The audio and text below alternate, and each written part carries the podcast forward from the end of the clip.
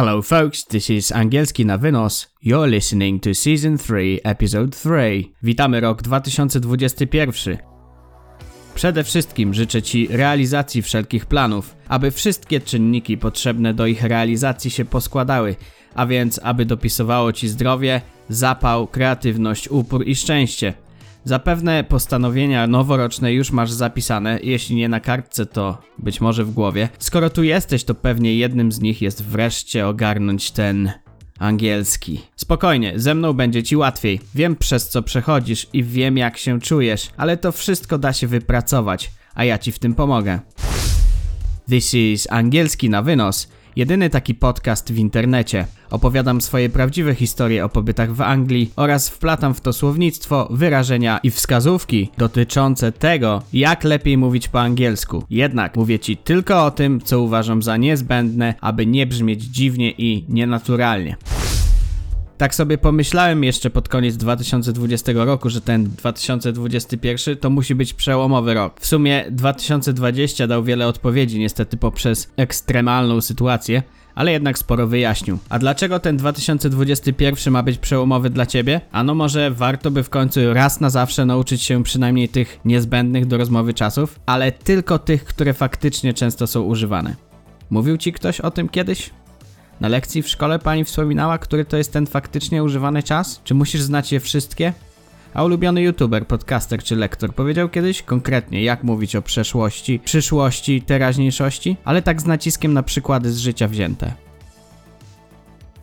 Tak? Jeśli tak, to daj namiar, chętnie posłucham. Jeśli nie, zapraszam do wysłuchania tego podcastu. I tak, jak już mówiłem wcześniej, Pomyślałem sobie, że warto by w końcu rozstrzygnąć kwestię czasów. W poprzednim podcaście wspominałem, że zaczniemy od tego, jak mówić o przyszłości. Będzie to pierwsza część tego obszernego tematu. W tym odcinku dowiesz się, czy zawsze używać tylko will? Jak mówić o przyszłości za pomocą czasów teraźniejszych? Jak wyglądał mój pierwszy kontakt z Anglią po latach? Co to jest niedaleka przyszłość i czy faktycznie się tym przejmować? Ale przede wszystkim, co z naszym głównym bohaterem? Jest rok 2014, wczesne lato. Shall we start? Lublin Airport was built in late 2012 with a typical for Polish construction sector delay. Rumor has it that originally it meant to be ready for the Euro 2012. However, first passenger planes took off six months after the kickoff. Why am I saying that? First, because I had that in mind when I was waiting for my delayed plane to land in Luton and I was sorta admiring the almost brand new terminal during my 4 hour wait. And second, because I was going to work for a construction company in England, not as a designer nor a builder, but as a kinda manager and a translator. And there I was, just one year after graduation, ahead of what I thought was a first big career chance. Rumour has it Plotka głosi. Rumor has it. Powtórzysz?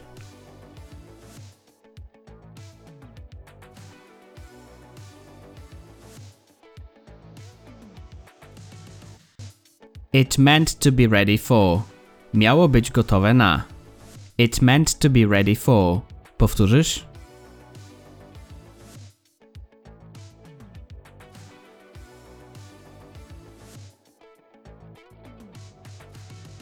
Kick-off. Rozpoczęcie meczu. Kick-off. Powtórzysz?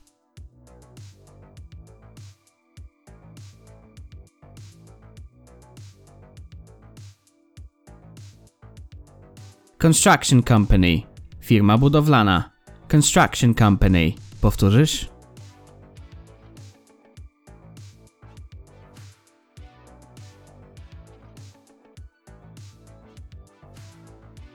Graduation. Ukończenie studiów. Graduation. Powtórzysz?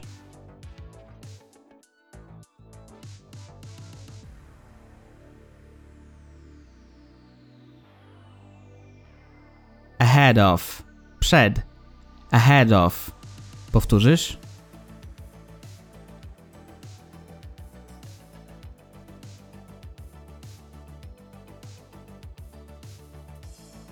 A career chance. Szansa zawodowa. A career chance. Powtórzysz?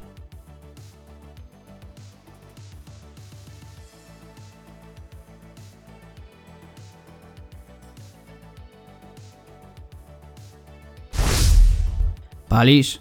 Zapytał Big Boss, siedząc wygodnie opartym w skórzanym designerskim fotelu lotniskowej kawiarni. Wskazał też palcem na ludzi gnieżdżących się w małej szklanej palarni na środku terminala. Nie, nigdy mnie to nie pociągało. A pan? Zobacz, kurwa, jak oni się tam gnieżdżą, jak robaki, jakieś ćpuny wyglądają, nie wiem. Nie, rzuciłem, bo serce. Po zawale jestem. To chyba dobrze, poza tym w Anglii fajki drogie.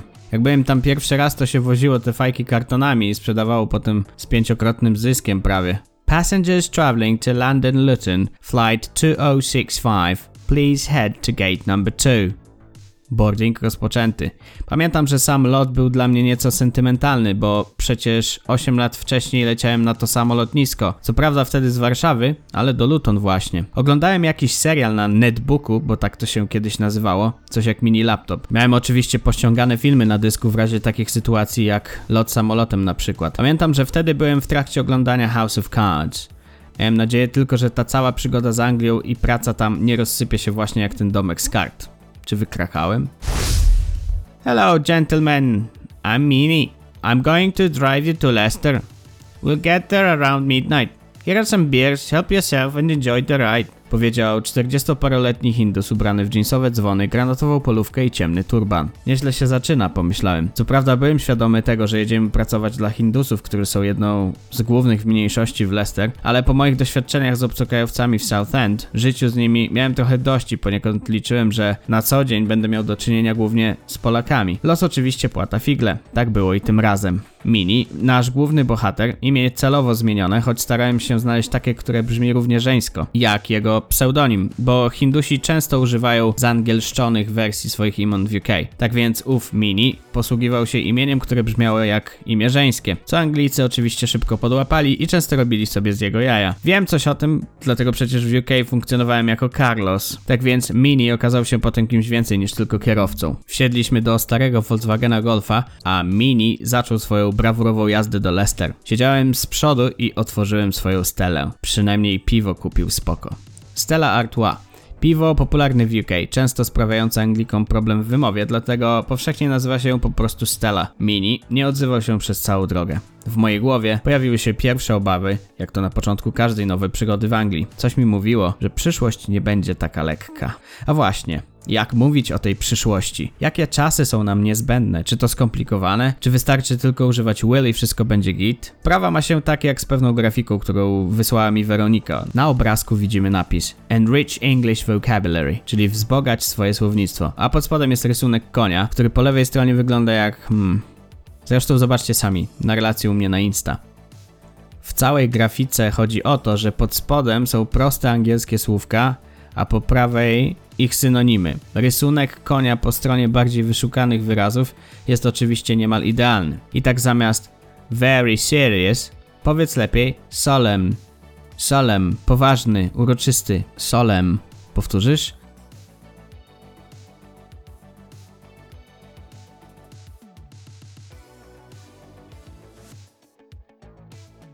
Very neat, immaculate, immaculate, perfekcyjny, immaculate. Powtórzysz?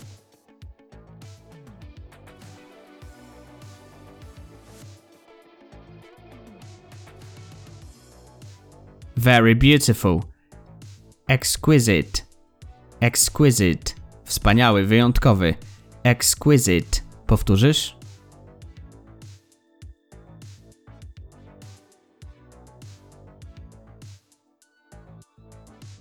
Very poor, destitute, destitute, bardzo ubogi, destitute. Powtórzysz?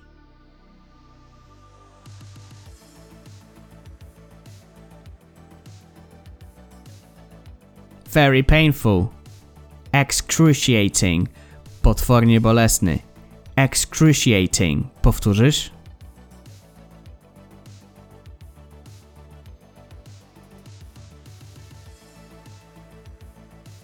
Ja już chyba kiedyś wspominałem, że moim zdaniem należy w ogóle wyrzucić ze swojego słownika słówko very. Jest to jedno z tych słów, które bardzo zubożają naszą wypowiedź. Nie chcesz przecież, żeby twoja wypowiedź wyglądała jak ta lewa część konia z obrazka. Tak samo jest z czasami przyszłymi. Możesz przecież zawsze używać tylko will, ale jak to wygląda, jak to brzmi? Już sam wiesz, sama wiesz. Zagłębiając się w temat z gramatycznego punktu widzenia, nie każdy kontekst użycia will do przyszłości będzie poprawny czy odpowiedni.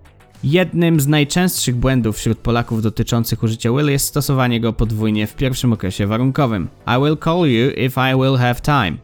No, I will call you if I have time. Okay.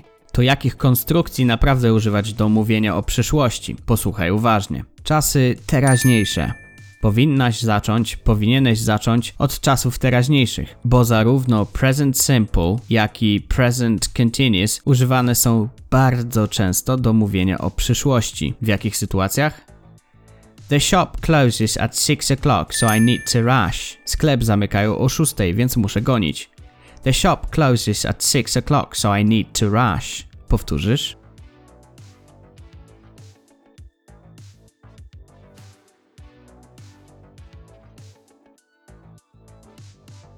Your train leaves from platform 3 at a quarter past 9. Pani pociąg odjeżdża, odjedzie z peronu trzeciego 15 po 9. Your train leaves from platform 3 at a quarter past 9. Powtórzysz?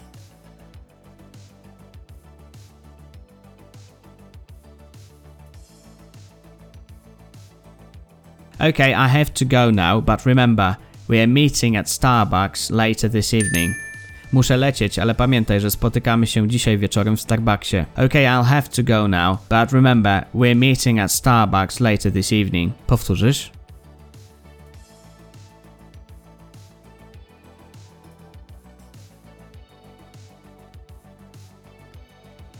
I tak podsumowując z grubsza, kiedy chcesz powiedzieć o tym, kiedy zamykają jakiś sklep, kiedy masz pociąg, kiedy zwykle zaplanowany jest odcinek Twojego ulubionego podcastu, Angielski na wynos is this Monday. Angielski na wynos wychodzi w ten poniedziałek. Angielski na wynos is this Monday.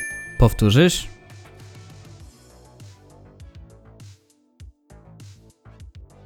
Dla wszelkiego rodzaju timetables, rozkładów jazdy, lotów, godzin otwarcia sklepów, kin, teatrów, restauracji, zawsze użyjesz present simple. Present continuous. Jeśli chodzi o to, jak mówić o tym, co będziesz robić niedługo, a jest to już poniekąd ustalone, przeważnie w kontekście spotkań, umówionych wizyt, jak to się enigmatycznie nazywa w niedalekiej przyszłości, użyjesz właśnie tego czasu. Ale co to jest ta niedaleka przyszłość? Czy niedaleka przyszłość to jutro, pojutrze, a może za miesiąc? Czy to też niedaleka przyszłość? Z tą niedaleką przyszłością to zawsze jest milion pytań co to tak naprawdę jest. A tak naprawdę to chyba nikt tego nie wie. Nie wiem, dlaczego takie uogólnienie wciąż jest utrwalane w nauce języka angielskiego, skoro powoduje tyle nieporozumień. I tutaj muszę obalić pewien mit. To wcale nie jest tak, że present continuous dla przyszłości używamy tylko, kiedy ta przyszłość jest, tak jak uczono nas w szkołach, niedaleka. Żeby zbyt długo się nad tym nie rozwodzić i zastanawiać, stosuj present continuous do przyszłości tylko wtedy, kiedy mówisz, że coś jest zaplanowane i lub jakieś kroki zostały w tym kierunku już poczynione. Liverpool is visiting Asia for a friendly cup next May. Liverpool przyjedzie do Azji na turniej towarzyski w maju. I'm flying to London next week. Lecę do Londynu w przyszłym tygodniu. Widzisz? Ale też jak wyżej, we're meeting at Starbucks later this evening. Dlatego jak widzisz, ta przyszłość wcale nie musi być taka odległa. Kolorowe podstarzałe neony i szyldy sklepów mieniły się w ciemności, gdy Mini przejeżdżał przez centrum Leicester, przez 3-kilometrową jedną z głównych ulic, Narborough Road. Kurwa, jak tu brzydko, pomyślałem. We're here, gentlemen. I'll drop you off here. I'm going to pick you up tomorrow, so give me a shout as soon as you're ready. I'll drop you off here. Wyrzucę was tutaj. I'll drop you off here. Powtórzysz?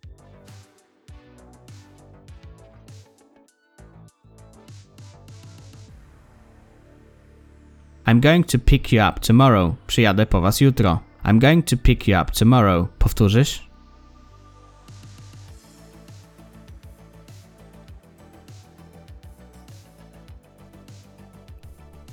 Give me a shout as soon as you're ready. Dajcie znać, jak będziecie gotowi.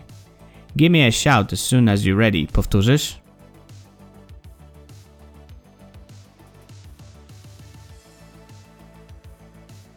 Powiedział Mini, używając kilku konstrukcji do mówienia o tym, co będzie. Ale jak, kiedy i po co ich używać, O tym w następnym odcinku. Chcesz wiedzieć, co wydarzyło się w niedalekiej, a jakże przyszłości? O tym już niebawem w kolejnym odcinku Angielski na wynos. Nie zapomnij subskrybować mnie na Spotify i innych platformach streamingowych. Proszę Cię również o lajka na Facebooku i polecanie mnie znajomym. This was Angielski na wynos by Karol Kornet. Do usłyszenia.